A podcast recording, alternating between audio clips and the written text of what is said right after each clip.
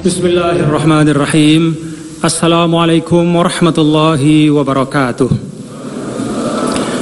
Alhamdulillah wassalatu wassalamu ala sayyidina Muhammad ibn Abdullah wa ala alihi wa sahbihi wa man hudahu ila yaumil qiyamah amma ba'du. Yang terhormat Presiden Republik Indonesia Bapak Joko Widodo, yang terhormat Wakil Presiden Bapak Haji Muhammad Yusuf Kalla, Bapak Menteri Agama dan Bapak-Bapak para Menteri Kabinet Kerja, para pimpinan lembaga negara, Excellencies yang saya muliakan, para duta besar negara sahabat, ada adik-adik juga di sini Bapak Presiden di belakang, anak-anak kita semua yang insya Allah akan menjadi generasi yang terbaik untuk Indonesia. Hadirin dan hadirat sekalian yang dirahmati Allah Subhanahu wa taala. Alhamdulillah wa syukrulillah dengan penuh kesyukuran kita bersama pada malam hari ini memperingati Nuzulul Quran. Peringatan yang dilaksanakan di Istana Negara, dituan rumahi juga oleh Presiden Republik Indonesia. Ini menunjukkan Bapak Ibu bahwa walaupun Indonesia ini bukan negara agama, tetapi nilai semangat dan tuntunan agama itu tidak pernah lepas dari kehidupan berbangsa dan bernegara kita. Bahkan Bapak Presiden, Bapak Wakil Presiden, setahu saya tidak ada peringatan nuzulul Quran di negara lain dilaksanakan di istana negara seperti di Indonesia. Alhamdulillah wa syukrulillah. Bapak Ibu hadirin dan hadirat sekalian, banyak sekali kemuliaan bulan suci Ramadan. Tidak terhitung. Nuzulul Quran kata para ulama atau saat pertama kali turunnya wahyu kepada Rasulullah Shallallahu Alaihi Wasallam itulah kemuliaan yang paling utama dari bulan suci Ramadan. Dan itulah yang kita peringati pada malam hari ini. Dalam catatan sejarah Bapak Ibu, malam 17 Ramadan malam Senin. 610 Masehi 1409 tahun yang lalu. Wahyu dari Allah mulai turun kepada baginda Rasulullah sallallahu alaihi wasallam. Ayat pertama dari surah Al-Alaq. Iqra bismi rabbikal ladzi khalaq. Bacalah dengan nama Tuhanmu yang telah menciptakan. Terus sampai ayat kelima Alamal insana malam ya'lam. Dialah yang mengajarkan manusia apa yang tidak diketahui oleh manusia. Lalu setelah lima ayat ini 22 tahun Bapak Ibu terus menerus Al-Quran turun. Dan kemudian sembilan malam sebelum wafatnya Rasulullah Shallallahu Alaihi Wasallam turunlah ayat yang terakhir ayat 281 dari suratul Baqarah wattaqu yawman turja'una fihi ila Allah thumma tuwaffa kullu nafsin ma kasabat wa hum la yuslamun ingatlah ini kepada kita semua tanpa kecuali. Ingatlah kepada hari di mana kalian semua akan dikembalikan kepada Allah. Dan setiap jiwa akan dicukupkan balasan dari semua yang dia lakukan dalam kehidupan dunia. Dan mereka sedikit pun tidak akan dizolimi. Ayat pertama, Bapak-bapak dan Ibu berisikan ajakan untuk literasi sebagai fondasi ilmu pengetahuan. Iqra. Dan ayat terakhir adalah pengingat bagi kita semua bahwa ada akuntabilitas kehidupan di mana kita akan mempertanggungjawabkan semua yang kita lakukan yang kita tampakkan maupun yang kita sembunyikan di dalam kehidupan kita. Kita berdoa mudah-mudahan kita semua, pemimpin-pemimpin kita, Pak Presiden, Pak Wapres, Pak Menteri dan kita semua bisa melaksanakan seluruh amanah kita dengan sebaik-baiknya. Bapak Ibu hadirin dan hadirat sekalian yang dirahmati Allah Subhanahu wa taala.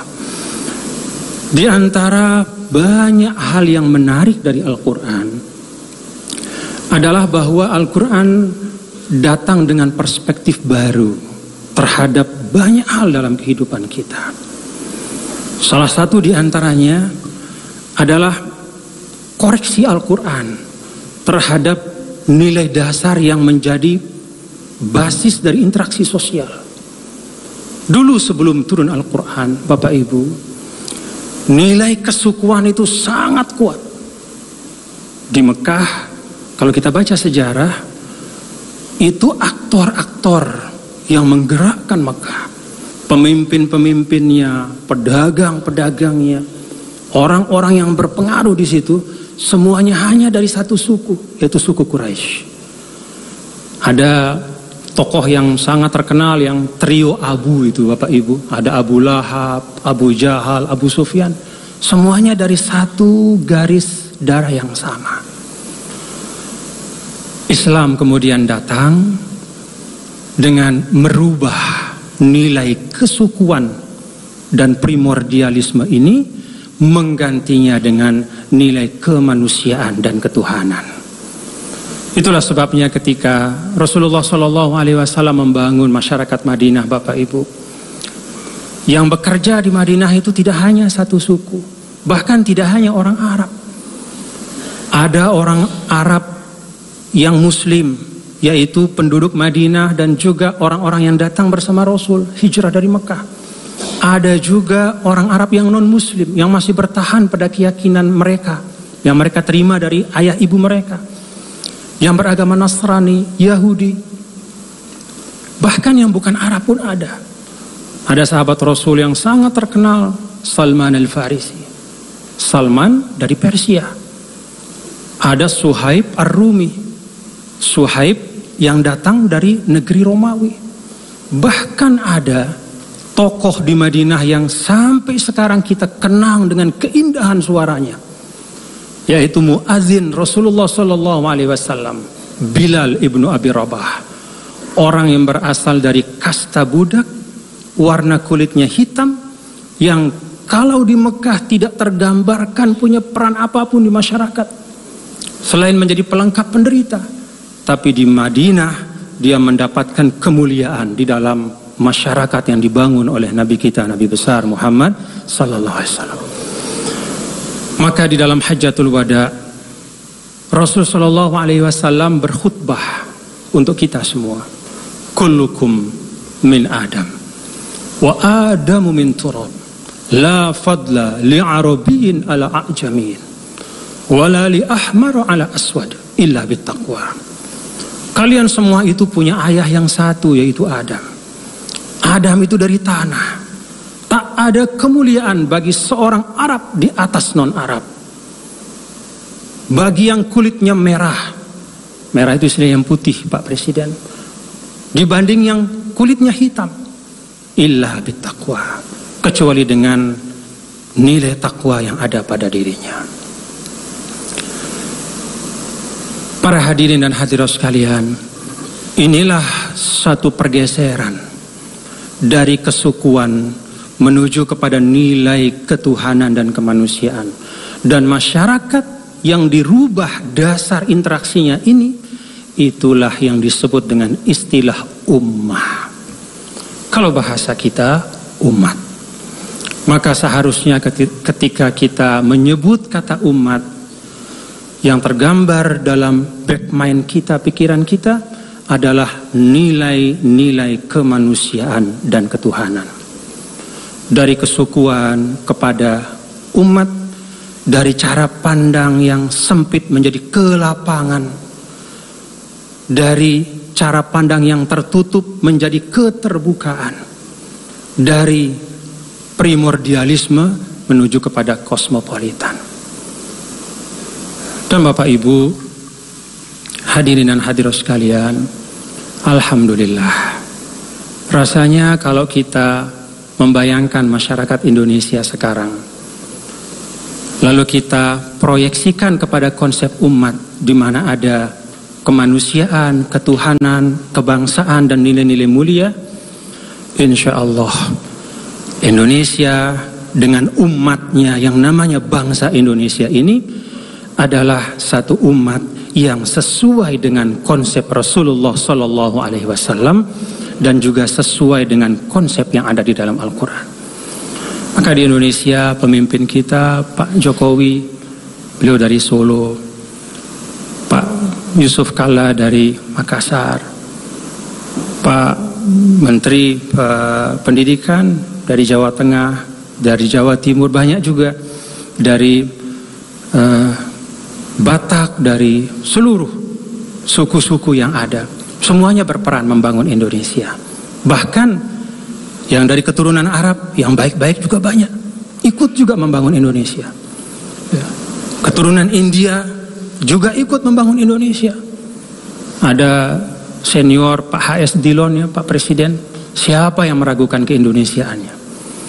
Ada seorang yang berdarah Jerman, Romo Franz Magnus. Siapa yang meragukan keindonesiaannya?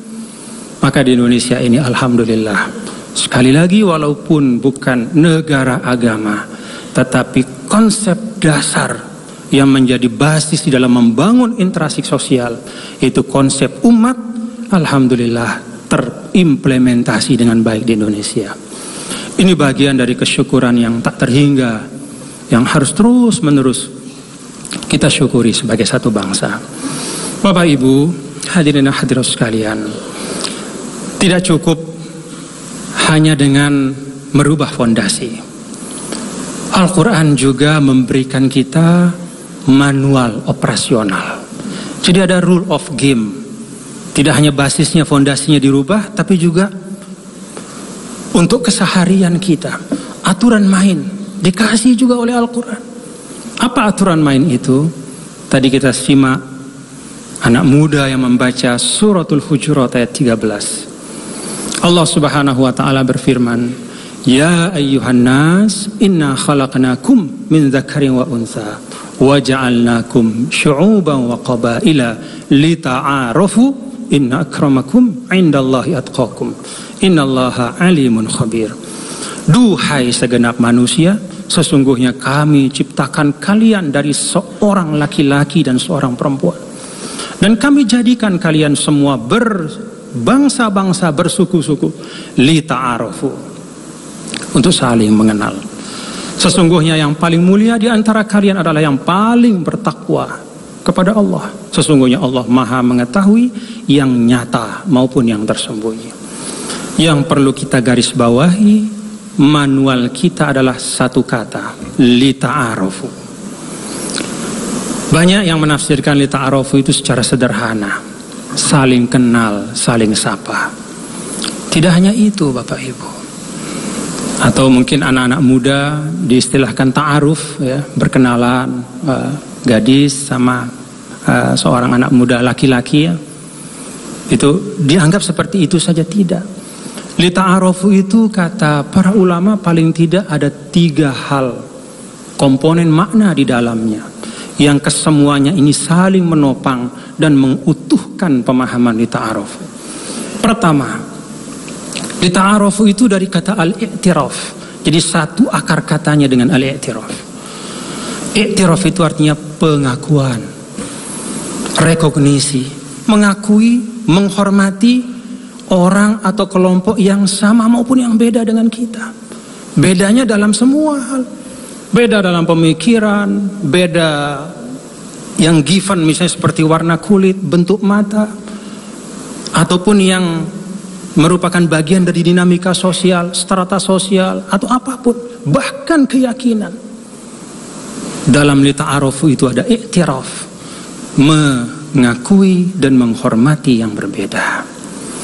Maka Bapak Ibu, dulu tahun 15 Hijriah, ini awal-awal betul. Ya. Kita bisa melihat kalau kita ingin memahami Islam itu kita lihat otentisitas dari bukti sejarah. Dan salah satu ukuran otentisitas itu adalah semakin dekat dia kepada Rasulullah SAW. Jadi tahun 15 Hijriah pada masa Khalifah Umar ketika Elia yang sekarang disebut Al-Quds atau Yerusalem itu diserahkan oleh uskup Sopronius dengan satu syarat saya mau serahkan kota ini kuncinya saya akan kasih hanya sama satu orang yaitu pimpinan kalian. Dia minta Umar datang ke situ ke kota Quds atau Yerusalem. Sirina Umar datang naik onta dari Madinah sendirian ke Yerusalem. Begitu sampai di pintu gerbang kota diserahkan kunci, Sayyidina Umar kemudian memberikan jaminan keamanan. Jaminan keamanan ini Bapak Ibu patut untuk kita renungkan. Supaya kita bisa berislam dengan baik.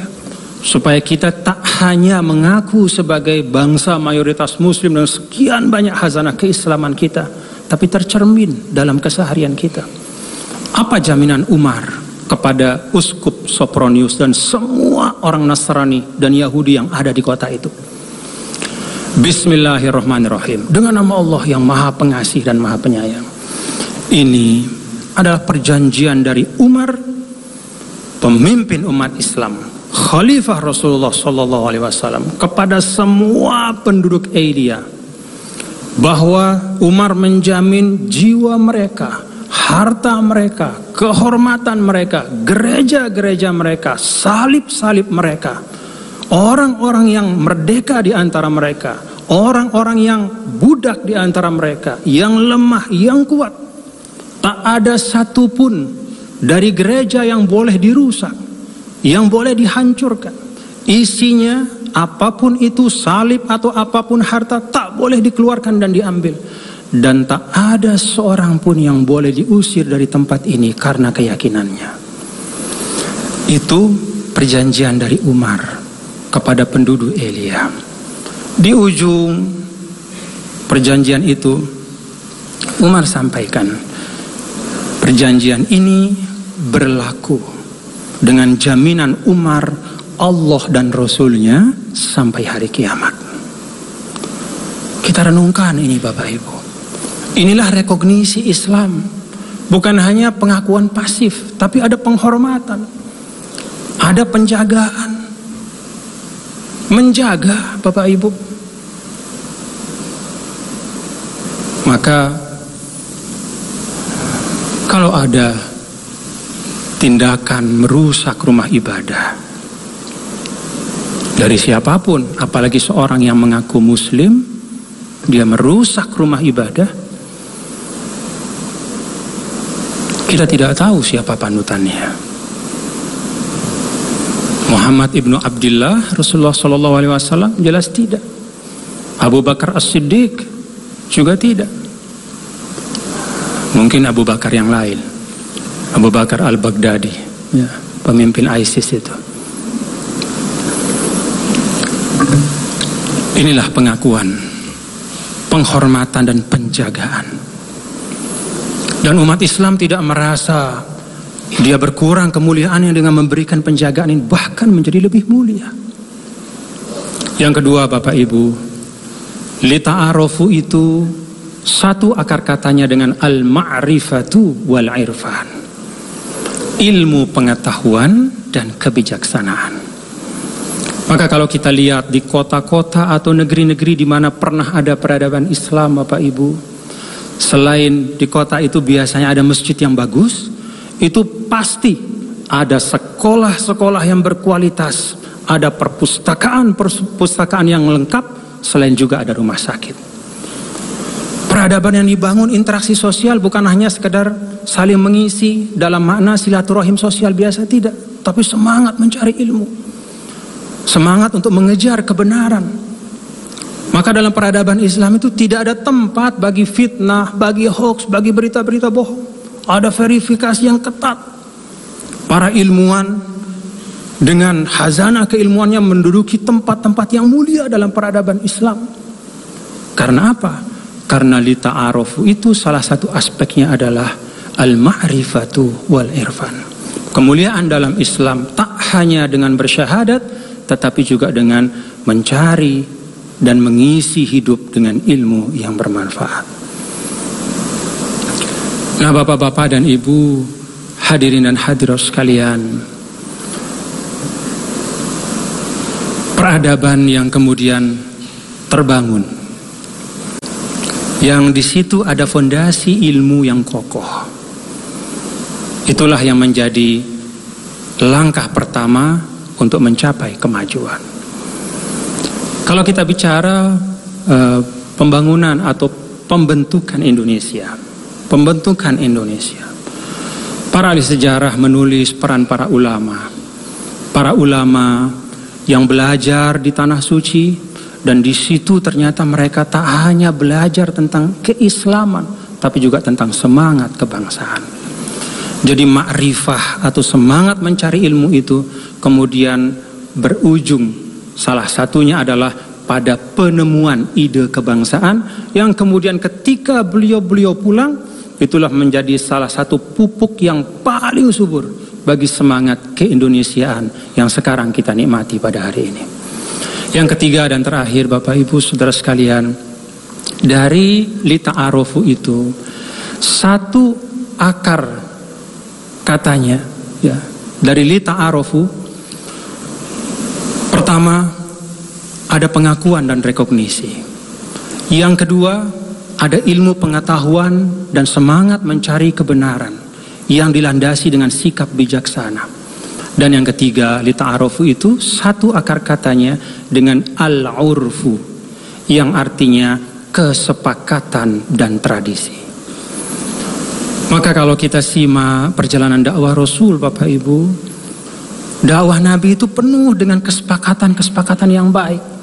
Beliau itu selalu berusaha membangun perdamaian dengan siapa pun pada musim haji ketika masih di Mekah datangi kemah-kemah orang yang datang dari sekian banyak tempat berhaji itu didatangi perkemah untuk membangun kesepakatan, menghadirkan dakwah Islam. Beliau pergi ke Taif ketika tidak diterima di Mekah, pergi ke Taif juga untuk menghadirkan kesepakatan. Dan puncak dari kesepakatan itu adalah apa yang dikenal dengan piagam Madinah.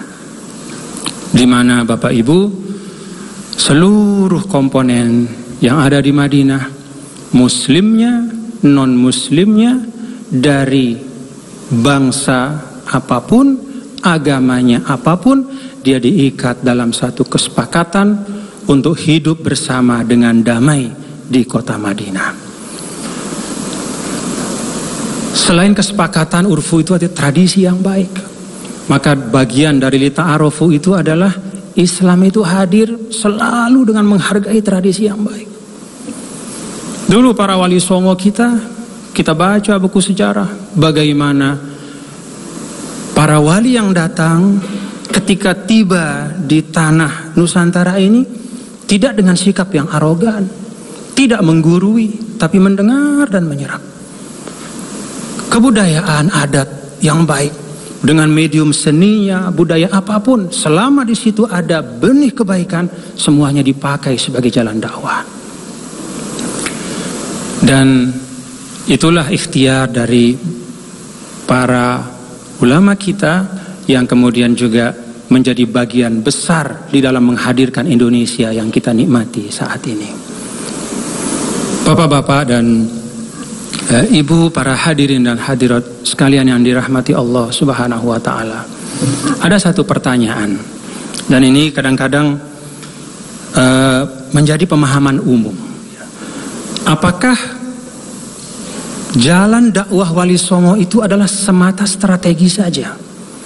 Ini sering kita dengar bahwa Sunan Kalijogo itu membuat wayang kulit, ada wayang kulit, ada wayang orang, ada wayang golek kalau nggak salah satu lagi. Ya.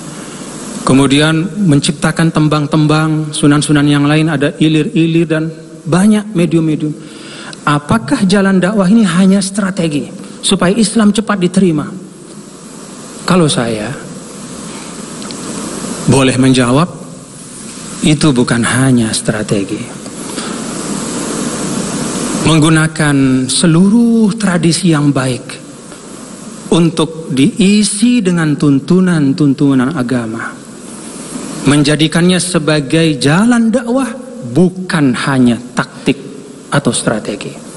Tapi sesungguhnya itu bagian dari mengimplementasikan salah satu prinsip Islam. Apa prinsip Islam itu Bapak Ibu? Para ulama ahlus sunnah merumuskan sederhana sekali. Setelah diperas tuntunan-tuntunan ayat-ayat Al-Quran dan tuntunan Rasul secara keseluruhan maka dirumuskan oleh Imam Ghazali dengan ungkapan fal aqlu ma'asyara'i nurun ala nur Akal budi dan agama itu bersama agama adalah ibarat cahaya di atas cahaya. Kita tahu yang namanya tradisi budaya peradaban itu hasil dari akal budi. Dalam kitabnya Ma'arijul Al-Quds, Imam Ghazali menyampaikan bahwa akal itu seperti fondasi. Syariat itu seperti bangunan. Fondasi tanpa bangunan tak ada manfaatnya. Bangunan tanpa fondasi tidak akan bertahan lama. Beliau juga mengumpamakan bahwa akal itu seperti pandangan mata yang sehat, yang terang. Lalu syariat itu seperti cahaya matahari yang menerangi. Orang yang menggunakan hanya akalnya saja, akal budinya, budaya, tapi menyingkirkan agama, itu seperti orang yang keluar membuka matanya terang-terang, tetapi di tengah kepekatan malam, dia tidak bisa lihat apa-apa. Orang yang bersyariat, tetapi membuang budaya, hasil dari akal budi, itu juga seperti orang yang keluar siang hari ingin menikmati pemandangan hasil dari cahaya matahari, tapi dengan mata yang terpejam. Sama seperti orang buta. Inilah yang dirumuskan oleh Al-Imam Al-Ghazali. Antara akal budi dan agama itu ibarat cahaya di atas cahaya. Maka Bapak-bapak Ibu, jalan dakwah yang kemudian menghadirkan Islam yang damai. Jalan dakwah yang menyerap semua yang terbaik dari yang telah tumbuh di masyarakat kita ingat bahwa Islam itu bukan hadir di ruang hampa. Islam itu datang kepada masyarakat yang sudah punya budaya. Jalan dakwah ini adalah jalan dakwah yang kita warisi dari para ulama kita dan itulah yang selama ini menjadi salah satu faktor yang mengokohkan kita tidak hanya sebagai satu umat Islam tapi juga sebagai satu umat Indonesia, sebagai satu bangsa. Maka bapak-bapak dan ibu hadirin hadirat sekalian, paling akhir saya ingin mengajak kita untuk introspeksi. Introspeksi dalam hal bagaimana kita menghadirkan Islam di ruang publik. Jangan sampai seperti kata Sidina Umar, la tubagidullaha ila ibadih. Jangan kalian bikin Allah itu dibenci sama hamba-hambanya. Orang nanya sama Umar, maksudmu apa Umar? Membuat Allah dibenci oleh hambanya. Ayakuna ahadukum talian, ada yang jadi imam. Dia hafal Quran, misalnya dia baca panjang sampai akhirnya imam makmumnya nggak betah. Bukan imam yang dijauhi, masjid yang ditinggalkan. Atau kata Sidina Umar, ada kalian ayakun ahdukum qasan dia berdakwah tetapi dalam dakwahnya itu tidak ada kebijaksanaan. Bahkan ada ujaran-ujaran kebencian yang mengajak kepada sesuatu yang Allah dan Rasulnya murkahi yaitu perpecahan. Ketika dia menyampaikan ujaran itu, bukan hanya orang itu yang kemudian akan dicatat, wah ini harus kita jauhi. Tidak hanya orang itu, tapi bisa jadi Islamnya sendiri yang akan dijauhi. Maka mari Bapak Ibu Saudara sekalian, cara baik yang kita warisi dari para guru kita, para orang tua kita, menyerap seluruh kebaikan yang tumbuh di tanah Nusantara ini, dipupuk dengan semangat keagamaan yang kuat, dan payungnya adalah wama arsalnaka illa rahmatan lil alamin Itulah masa depan Indonesia. Terima kasih. Mohon maaf apabila ada kekurangan dan khilafan. Wallahul muwaffiq wal hadi ila sabil rasyad wa huwal muwaffiq ila aqwamit tariq. Wassalamualaikum warahmatullahi wabarakatuh.